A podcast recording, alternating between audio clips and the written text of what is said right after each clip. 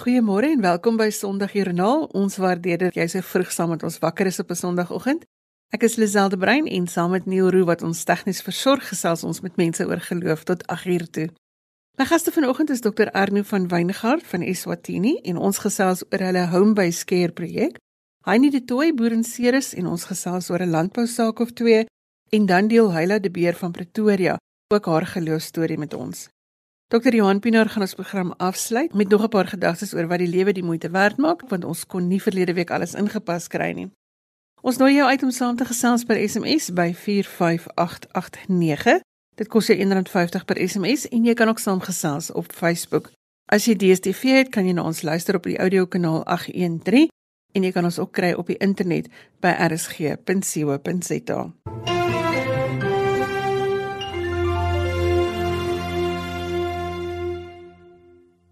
Dr Arnie van Wyngaard is leraar by die Sisolweni gemeente in Eswatini wat vroeër as Swaziland bekend was. Ons gesels vanoggend oor hulle home-based care projek. Goeiemôre Arnie. Hallo Liselde, is lekker om met jou te gesels. Skets ons 'n prentjie van jou omgewing en julle gemeente in Eswatini. My gemeente is in die suide van Swaziland, is 'n baie groot gebied, 'n uh, groot area, seker so van die een kant aan die ander kant omtrent 180 km. So dis 'n wyd verspreide gemeente uh, met 'n klompie buiteposte. So alhoewel dit een gemeente is, het ons op hierdie stadium 5 uh, preekpunte en uh, uh, van waar ons elke Sondag dan eredienste hou en dan uh, ek het leiers op elke op elkeen van hierdie punte met 'n predikers. Ek self um, reis dan rond Sondag na Sondag na die verskillende buiteposte toe waar ek dan uh, nog steeds die mense kan besoek en en dan preek daar en so aan maar hulle uh, uh, eintlik die gemeente gaan in 'n groot mate aan op hulle eie so ek is net so half oorhoops nog uh, betrokke in die gemeente ek is al 36 jaar in Swaziland so dit is 'n dis 'n lang tyd van ontwikkeling in die gemeente en en wat ons probeer het om om groter onafhanklikheid ook te kweek en so aan so 'n klompie jare terug, jy het nou begin praat oor die oor die home based care, so 'n klompie jare terug in in 2006 het ons begin met 'n program om om na die gemeenskap toe uit te reik en het ons uh vir hulle probeer uh bedien. Uh, daai tyd was dit nou vreeslik met uh, die probleem met vigs geweest. Dit is nie 'n uh, deesdae meer die groot probleem nie. Uh maar ons het op daai stadium die behoefte gevoel dat ons wil uitreik na mense wat wat vigs het en na hulle families toe om hulle te help deur daai tydperk almal wat vigs gehad het op daai stadium het dood gegaan. So 'n groot deel van ons werk was eintlik maar uh, om mense te begelei deur daai sterfteproses en om die, by die families te wees en so aan die die, die hele home based care het, het eintlik maar daarop gefokus. Later het ons begin met ander programme ook. Ons het uh, met voedingsprogramme begin. Ons het kleuterskole begin en ons het met 'n rolstoelprogram begin dat ons rolstoele uitgedeel het en so aan. So ehm um, die die gemeente self het, het het baie wyeer in die gemeenskap begin betrokke raak as net bloot uh eredienste elke Sondag en dit dit is my wonderlik geweest om te sien hoe daai ontwikkeling plaasgevind het. Nou julle is nou al 15 van die 36 jaar wat jy daar is besig met hierdie Home by Scare projek. Dink jy die gemeenskap waaronder jy werk sou anders gelyk het as julle gemeente nie besluit het om uit te reik na die mense nie? Jo, ek ek is oortuig daarvan. Kom ek gee 'n paar voorbeelde. Ons het toe ons begin het in 2006 met met die uh, onder met die werk onder die mense met vigs het uh het ons jaarliks oor die 30% van daai mense uh het dood gegaan. En uh weet ons ons het hulle probeer help deur daai proses, maar ons kon nie keer dat hulle doodgaan nie. In die tussentyd het met antiretrovirale middels ehm um, kom ons mense help dat hulle uh, die medisyne begin gebruik. Maar dis 'n lang proses. Dis nie 'n 'n maklike ding om vir mense te sê hulle moet lewenslank op medikasie gaan nie. En wat ons gevind het wat baie dit ons gebeur is dat mense begin met die medisyne en dan uh op 'n stadium word hulle moeg daarvoor nou hulle op en as hulle opgehou het 'n paar maande later is hulle dood. Ehm um, so ons het nou uh, ons fokus baie verskuif na ondersteuning van mense rondom die die uh, medikasie om hulle te help om aan te hou om daai medikasie te gebruik. En die die sterfte syfer ons het nou omtrent 6000 uh, persone vir wie ons wat wat ons maandeliks mee kontak het. Uh ons sterfte syfer het nou afgekom na net oor die 1% per jaar. So dis 'n dis 'n geweldige ehm um, verbetering in letterlik duisende mense in die suide van Swaziland uh, weet ek leef vandag as gevolg van hierdie werk wat ons onder hulle doen. 'n Ander ehm um, belangrike ding wat ons weer uh, betrokke geraak het is voedingsprogramme. Uh, ons het nou 5 plekke waar ons elke dag etes voorberei en dan aan kinders gee wat uh, normaalweg nie genoeg sou gehad het om te eet nie. En ek het uh, ek dink nou sommer so terug toe ons begin het daarmee ook hier omtrent 2011 rond het ons met daai uh, program begin. Uh, wat ons vreeslik baie kinders gekry wat nog met hierdie uh, kwashiorkor is so dis mos daai siekte wat wat wat wat kinders kry as hulle nie genoeg proteïene inkry nie. Daai tipiese boepensies en uh uh ook hulle hare wat verkleur. Ehm um, hulle die die haarkleur word so oranje wat nou tipiese simptome is van hierdie gebrek aan aan proteïene. En uh, en dit het ons baie gesien en dit sien ek nooit meer nie. So ehm um, dit is lekker om om nou te sien kinders wat hulle kom nog steeds kerk toe om om dan nie uh, elke dag kos te kry daar, maar hulle lyk gesond en hulle uh, daai daai daai tipiese simptome wat uh, wat ons altyd gesien het, uh, sien ons glad nie meer nie ons het goeie kleuterskole. Ehm um, ons het ons het gesorg dat ons goeie onderwysers in die hande kry, gesorg dat hulle goeie opleiding kry. En uh in in in die gemeenskap waar ons werk wat wat landelike gebied is, ehm uh, word die die kleuterskole wat deur ons kerk ondersteun word en aan die gang gehou word, word al hoe meer die die kleuterskole wat mense graag hulle kinders na toe wil stuur. Ehm uh, nie omdat dit met dit is goedkoop, dit is goedkoper as ander ehm uh, kleuterskole, maar nie net daarom nie, dis ook omdat hulle weet dat die kinders goeie opleiding kry, dat hulle goed voorberei word vir die groot skool eendag. So ek dink definitief die gemeenskap sou anders gelyk het. Ja, ek uh, sonder twyfel. COVID-19 het sekerlik ook aan julle gemeente groot uitdagings gestel. Hoe het julle hierdie uitdagings die hoof gebied? Ja, dit was nog 'n ding. Ek was so net voor die die lockdown begin het in Suid-Afrika. Ek het gevoel hierse ding aan die kom en ek het uh, al die werkers bymekaar gekry en met hulle begin praat oor oor COVID en die dit wat ek geweet het op daai stadium het ek aan hulle vertel en oor die hande was en oor maskers en oor al die klas van goeders. En toe kom die lockdown. Nou Swaziland dink ek is was 'n dag voor Suid-Afrika gewees het hulle ook alles toegemaak. Maar toe saai mense klaar in die gemeenskap hulle is klaar opgelei geweest en hulle kon toe in, nog steeds binne die gemeenskap kon hulle toe mense help om om te sorg dat hulle hulle self beveilig sover as wat hulle kan. So dit was 'n dink ook maar voorsiening van die Here gewees dat ons in staat was om wel daai ehm uh, kinders aan hulle uh, oor te dra betyds.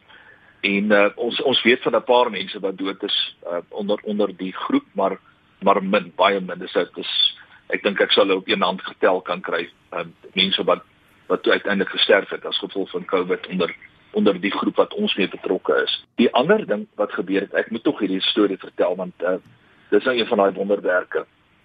Ehm um, toe die toe die uh, al kyk alles is gesluit, die grense is gesluit en uh, uh mense mag nie winkels toe gegaan het nie en dis so hulle is hulle is beperk gewees tot hulle hulle woongebiede en dan is dit nou maar hierdie klein winkeltjies in die in die landelike gebiede wat waar hulle moes hulle inkopies doen. En uh, anders as in, in Suid-Afrika was daar geen uh, wetgewing rondom pryse nie. En skielik het al die al die pryse, mieliemeelse pryse uit die hoogte ingeskiet en en uh, al die die tipiese kos wat hulle sou gekoop het, het amper onkoopbaar duur begin raak. En dan uh, baie van die mense het gereeld Suid-Afrika toe gekom om eerder hulle inkopies in elk geval in Suid-Afrika te doen en toe kon hulle dit nie doen nie. So daartoe 'n geweldige probleem begin ontstaan met met hongersnood, reg werklike behoefte aan kos. En eendag uit die bloute uit, uh, ek kry 'n boodskap wat iemand my vra, wat kos 'n sak mieliemeel in in Swaziland en ek sê vir die persoon en hy sê vir my uh, nou daar waar jy werk, uh, hoe lyk die behoefte? Uh, ek sê toe vir die persoon, "Wel, ons het nogal regtige behoefte aan aan kos en uh gee so 'n bietjie getalle. Ek sê ons het ons is betrokke by seker so 1000 uh, huisgesinne waar daar werklike behoefte is. En 'n uh, paar dae later bel die persoon my, hy sê vir my uh, ons wil vir julle geld gee vir kos vir 500 gesinne. En uh, ek is natuurlik baie dankbaar daarvoor uh, en die volgende dag bel die persoon my terug. Hy sê vir my uh hoor ek ekskuus ek het 'n fout gemaak. Dit is nie 500 gesinne nie. Ons wil graag vir 1000 gesinne um, kos gee. En uh Die volgende dag bel hy my weer 'n keer terug toe sê ekskuus ek het weer 'n fout gemaak. Ehm um, dit gaan nie eenmalig wees nie. Ons gaan vir 3 maande lank vir julle help met kos. Nou dis 'n groot bedrag. Gaan nou nie die bedrag noem nie, maar dis 'n baie groot bedrag. Wat uh wat ons nou vir 1000 gesinne per maand kan kos gee. En uh uh, ek vertel vir iemand die storie dit is en en die persoon sê vir my maar is dit nie wonderlik dat dat die Here regtig gebede beantwoord nog voordat jy gebid het daarvoor nie. Ehm um, logisties is dit 'n nagmerrie ons met daai kos ehm uh, moenie dit aangekoop word nie. Jy kan nou dink 'n uh, 1000 sakke mieliemeel uh wat 'n mens moet aankoop en dan moet dit versprei word na in die landelike gebiede in. Maar ons het uh, daarom gerad daarvoor. Ehm um, so dit was 'n wonderwerk wat gebeur het in hierdie COVID tyd dat ons ehm um, hierdie toegang gekry het tot kos. Ons is juis in hierdie week ehm uh, wat kom gaan ons nou weer begin kos versprei en uh en dan in Desember sal ons vir die derde keer dit uh, dit kan doen. Maar uh, ons is Here baie dankbaar daarvoor. So as jy my vra hoe dit ons uitdagings in die hoofgebied deur ek dink eenvoudig maar die deur uh, te wag op die Here en en toe die Here vir ons gee wat ons behoefte was ingeval het daarbey en en begin het om daai kos te versprei. Arno, jy bly in 'n afgeleë gemeenskap, afgeleë in terme van ons wat in stede bly wat alle dinge naby het en deur geloof sien jy 'n hele klompie goed gebeur deur 'n geloofsgemeenskap. Waarvoor is jy persoonlik dankbaar? Wat is die boodskap wat jy oor dankbaarheid die wêreld instuur? Lisel, ek dink as jy vir my sou vra vinnig om 'n antwoord te gee op dan dan wil ek sê ek is die Here so ontsettend dankbaar dat hy vir my gebruik het om by hierdie werk betrokke te wees. Ek het al baie die storie vertel. Iemand het nou so onlangs 'n boek ook geskryf oor ons verhaal en en die een ding wat ek vir die persoon gesê het is ek is nie 'n bestuurder nie. Ek is nie van nature hierdie mens wat wat wil voorloop en dinge dryf en so aan nie. Dit is nie my persoonlikheid nie. Ek het my persoonlik my my talente en gawes dink ek lê op 'n ander plek. Maar ek is in hierdie situasie half in ingedwing deur die Here en ek is so ontsettend dankbaar dat ek deel kan wees daarvan en kan sien waar die die veranderinge plaasgevind het. Ons het al oor die 2000 mense opgelei as versorgers uh, om te sien hoe hulle lewe verander het. Dat hulle skielik begin het om uh, diens te lewer in plaas van dat hulle net ontvang het, hulle begin gee. My pa het altyd gepraat van fools rush in where angels fear to tread. Ek het al baie keer gesê ek dink dit was iets van van my ervaring van ek het in, ingegaan in hierdie dinge en sonder om enigsins te weet waarvoor ek myself ingelaat het. Maar ek is die Here so dankbaar dat ek deel kan wees daarvan. So dit is my grootste dankbaarheid in my lewe. En so gesels Dr. Arne van Weingart, hy is leraar van die Shishelweni gemeente in Eswatini wat voorheen Swaziland was. Arno baie dankie dat ons kon kyk hoe julle lewe volgend. Baie baie dankie Lisel. Ek waardeer dit. As jy sopas ingeskakel het, sê ons goeiemôre. Die program is Sondagjoernaal en ek is Lisel de Bruin. Daar's nog 'n paar stories voor ons by 8uur uitkom en ek hoop dat elkeen van hierdie onderhoude jou iets gee om deur die dag te dra. As jy gereeld luister, dan weet jy ons hou van die woord dankbaarheid en ons beoefen dankbaarheid elke dag en ek nooi jou uit om te laat weet waarvoor jy dankbaar is vanoggend op ons SMS-lyn of jy kan vir ons 'n boodskap gaan los op ons Facebookblad. Dit is Sondagjoernaal met 'n koppelteken. Die SMS-nommer is 45889. Maar moenie dit net vir ons sê nie, sê dit sommer ook vir een langs jou of WhatsApp iemand om jou dankbaarheid te deel. Dankbaarheid is mos aansteeklik, so deel dit wyd en ver. Mm -hmm.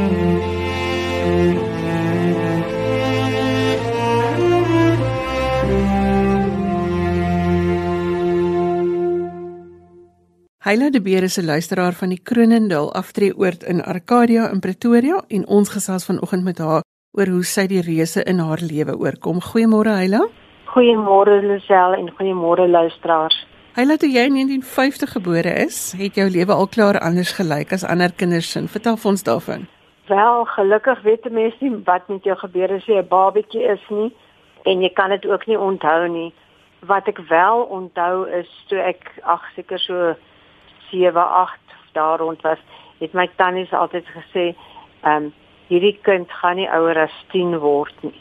Ek is gebore met wat ek eers in standaard 9 uitgevind het, 'n spina bifida is wat jou laat met nagevolge wat 'n mens regtig nooit leer om mee uh, saam te leef nie.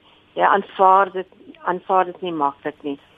Maar ek het met die hulp van 'n wonderlike uroloog dokter Bongers reg gekry om daarmee te leer saamleef.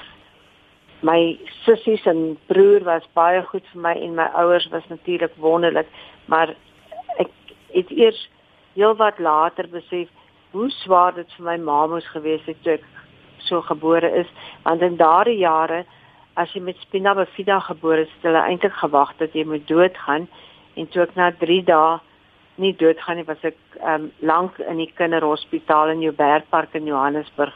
Maar ek het wonderlik daar uitgekom en nou die dag my 70ste verjaarsdag gevier. Dit is 'n hoë ouderdom, baie geluk met daardie verjaarsdag. Jy het ook maatskaplike werk by Stellenbosch gestudeer. Hoe het dit jou in jou lewe uitgespeel? Wel, dit was 'n wonderlike ding. Weet, ek is nou nie die skerpste potlood in die laai nie en tog kon ek die voorreg hê om universiteit toe te gaan. Die plaaslike universiteite, RAI was nog nie daar nie. Het nie kans gesien vir 'n blinde student nie. En ek het toe aan professor Erika Tron geskryf en al wat sy vir my teruggeskryf het, kom, ons wag vir jou. En dit was 'n wonderlike 3 jaar, gaan start gewerk in my eerste jaar tot 90% vir 'n vak gekry en toe besluit ek nee, hemel, dit moenie so werk nie. Ek is heeltemal tevrede met 'n gemiddelde uitslag en van die tweede jaar af het ek darm ook die heerlikheid van Stellenbosch leer ken en geniet. Ek het toe lank as maatskaplike werker gewerk en vir al my jare by bejaardesorg in Johannesburg en by meervoudige sklerose Suid-Afrika was regtig vir my baie wonderlik. En ek het toe ook dikwels gedink aan wat Justice Tsungu altyd gesê het. Hy het gesê 'n mens is 'n mens deur ander mense. En daar was wonderlike mense op my pad wat my gehelp het en ondersteun het. Dit was 'n tyd toe gestremdes eintlik nie gesukkel het om werk te kry. Partykeer het die werk selfs na jou toe aangekom. En ehm um, ek het regtig wonderlike kollegas gehad en wonderlike baase wat my al die kansse gegee het wat 'n mens oor kan droom. En toe ontdek ek ook na baie jare dat ek 'n uh, bipolêre verstoring het.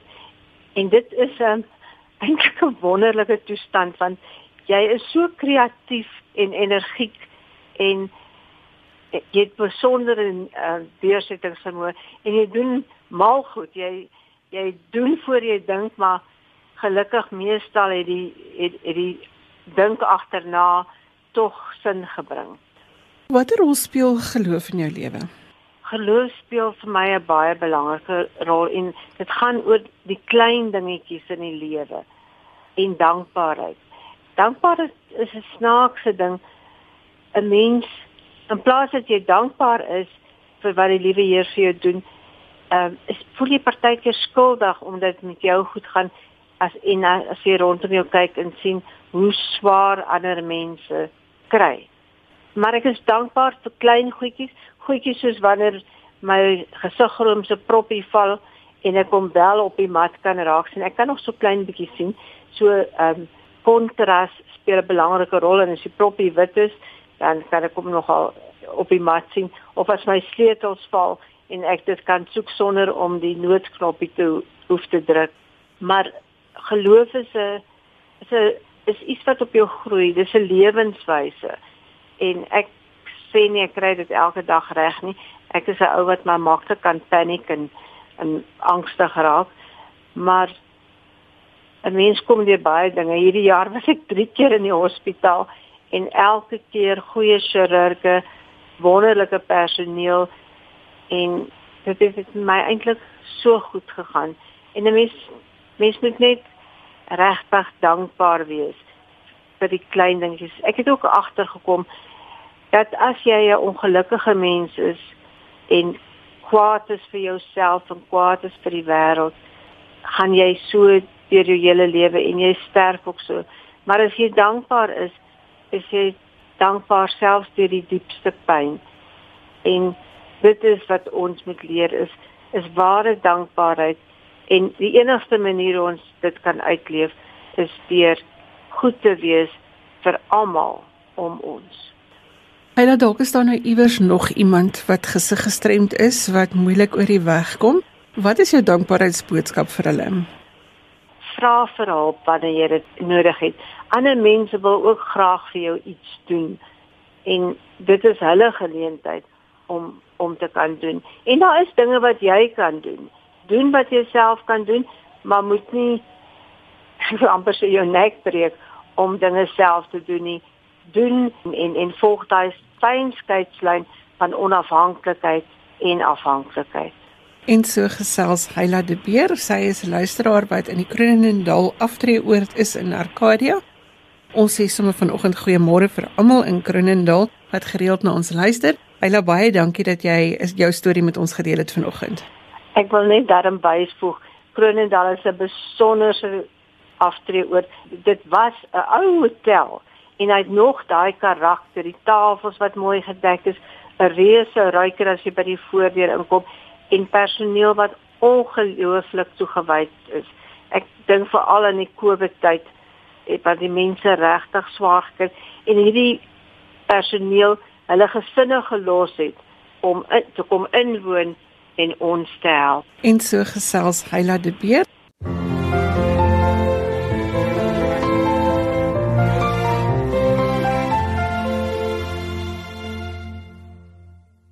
Heinie de Tooy is 'n boer in Ceres in die Koue Bokkeveld en hy is ook Agri Weskaap se visiepresident. Ons gesels vanoggend met hom oor die uitdagings vir boere in hierdie tyd en in sy omgewing. Môre Heinie. Ja, yes, môre Lisel. As jy ons nou so binne nooi in jou wêreld, hoe lyk dit daar op Ceres en waar jy boer?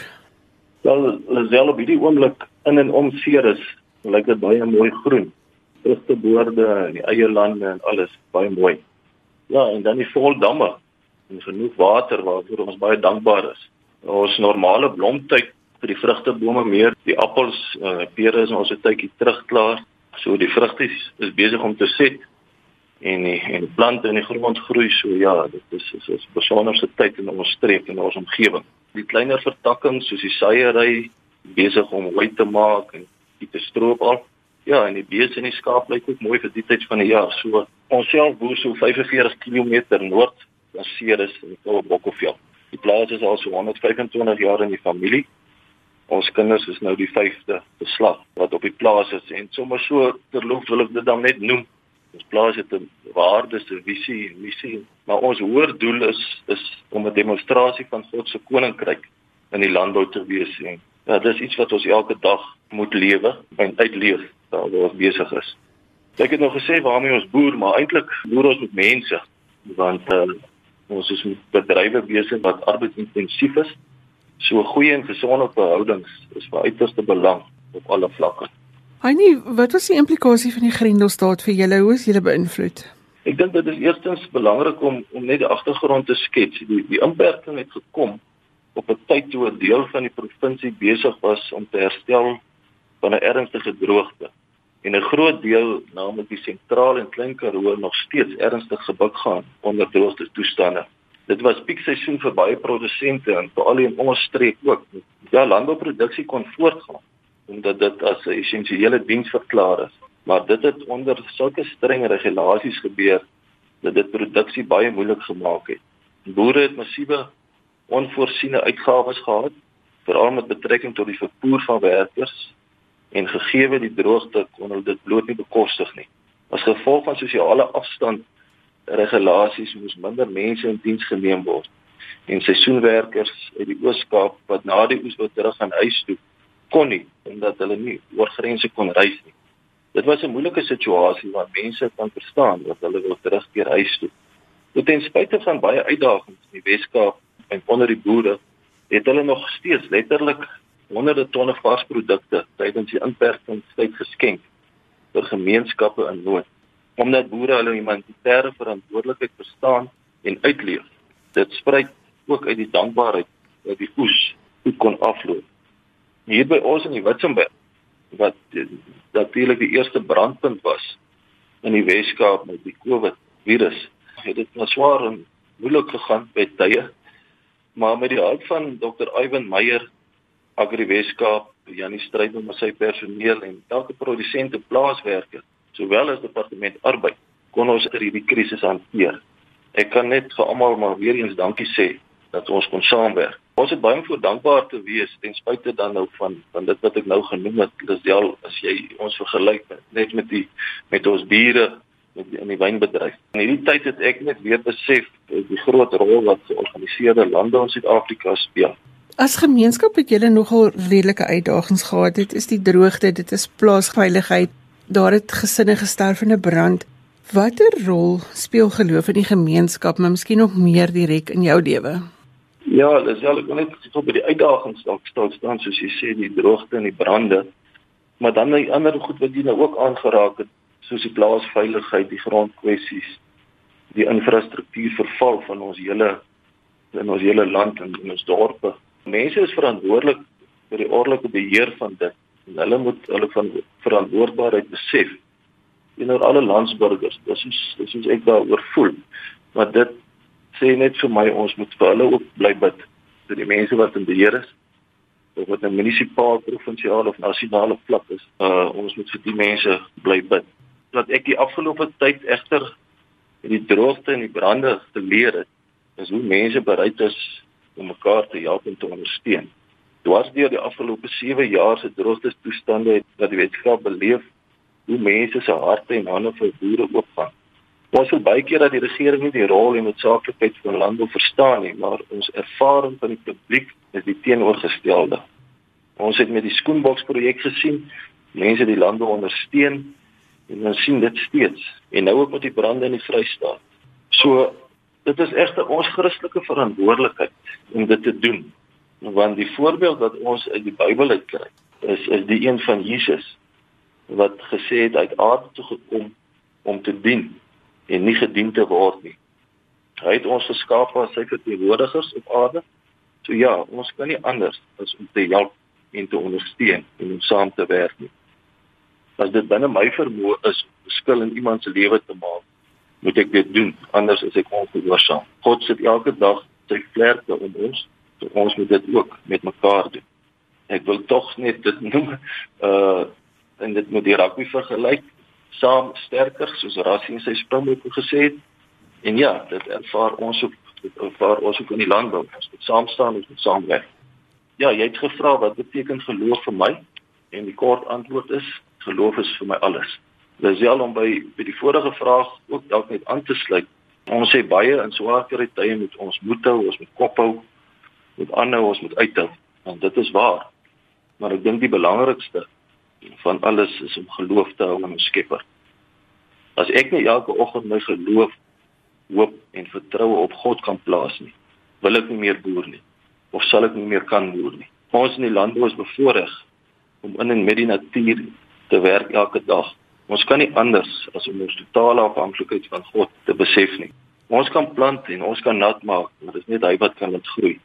Mense is egter ons derde en belangrikste hulpbron en daarom het ek net nou gesê dat goeie en gesonde verhoudings belangrik is vir ons in die landbou. Die belangrikste verhouding vir elkeen is egter my en jou verhouding met ons met ons God. So ja, ek is terug by die punt van geloof. Dit is vir my alles. Wat egter saam met dit gaan is gebed en die krag van gebed. Ons moet bid sonder ophou vir ons land en sy mense. God sê vir ons, hy weet wat ons nodig het, maar ons moet dit nog steeds vra. So my vraag is eintlik, as ons almal bid vir vrede en kalmte en rustigheid in ons land, wonder ek wat gaan gebeur. En so gesels hy nie dit toe hy boer in Ceres in die Koue Bokkeveld en hy is ook Agri Weskaap se visiepresident. Annie baie dankie dat jy vanoggend 'n stukkie van jou lewe en jou hart met ons gedeel het. Reg so baie dankie.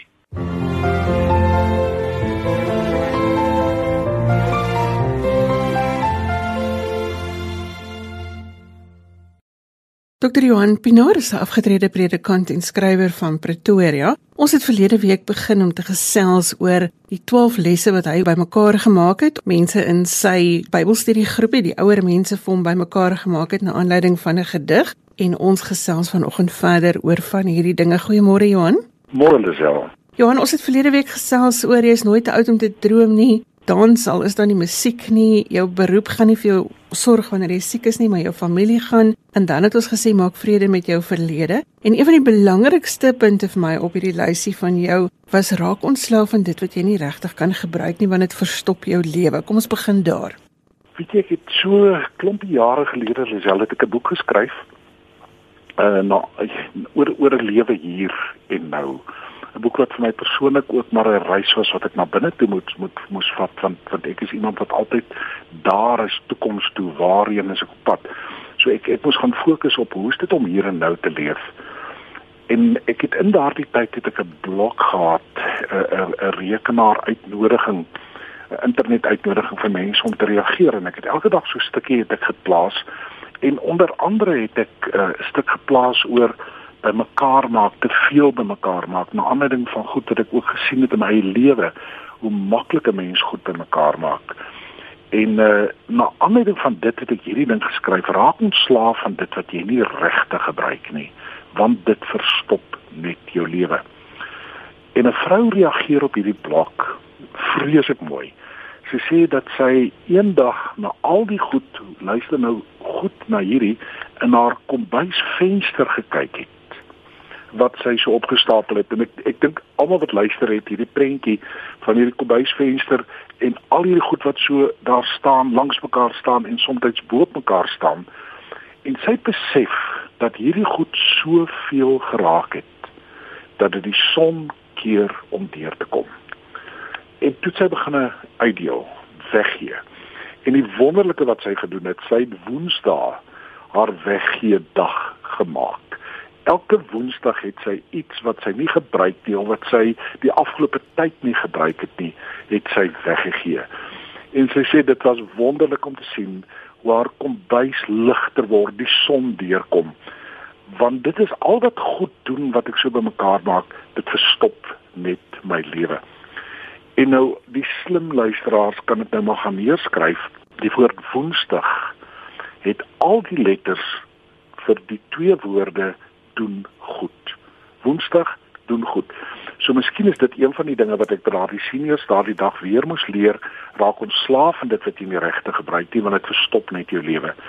Maak pakkies bymekaar, pak in, vernaam nou met die nood. Mense het nou hierdie afgelope tyd by die brande in die Vrystaat ongelooflik baie versprei. Kom ons maak van dit 'n lewenswyse om te sê ek versamel nie ter wille van versamel nie. Ek het om te kan gee om ander mense se lewe daarmee te seën. En daarmee saam dink ek dan nou as jy nou so weggooi, dan maak dit jou gelukkig en dis ons volgende punt. Dit is nooit te laat om gelukkig te wees. Die keuse is joune. Dis baie waar.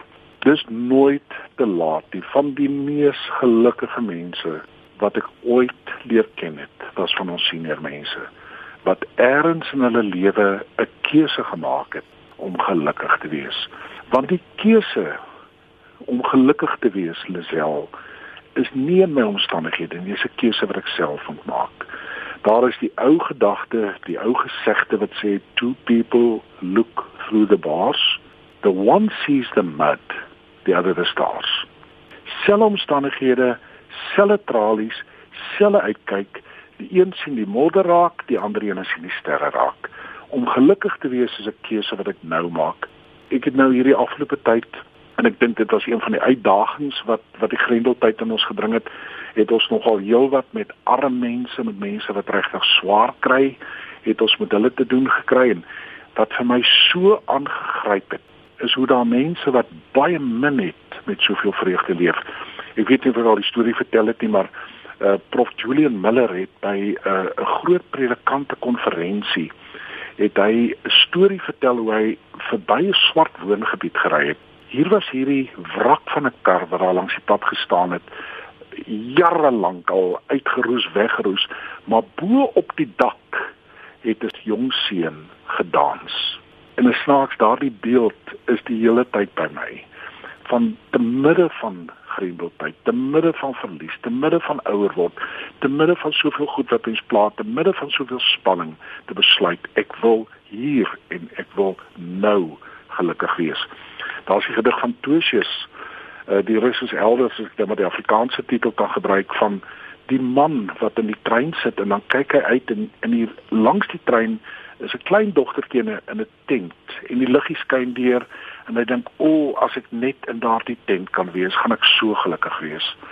Nou skryf hy die tweede strofe van die dogtertjie in die tent wat opkyk na hierdie man wat hier bo in hierdie verligte trein sit en en is so mooi en die kandelare en alles is so pragtig. En sy wens o as ek net in die trein kan wees gaan ek so gelukkig wees. Dis nooit te laat om gelukkig te wees nie. Die keuse wat ek moet maak is om hier en nou te midde van alles geluk in my lewe te soek Nou die ander ding wat vandag vir ons nogal bietjie moeilik is is om vir almal te glimlag want hulle kan nie jou glimlag sien agter die masker nie.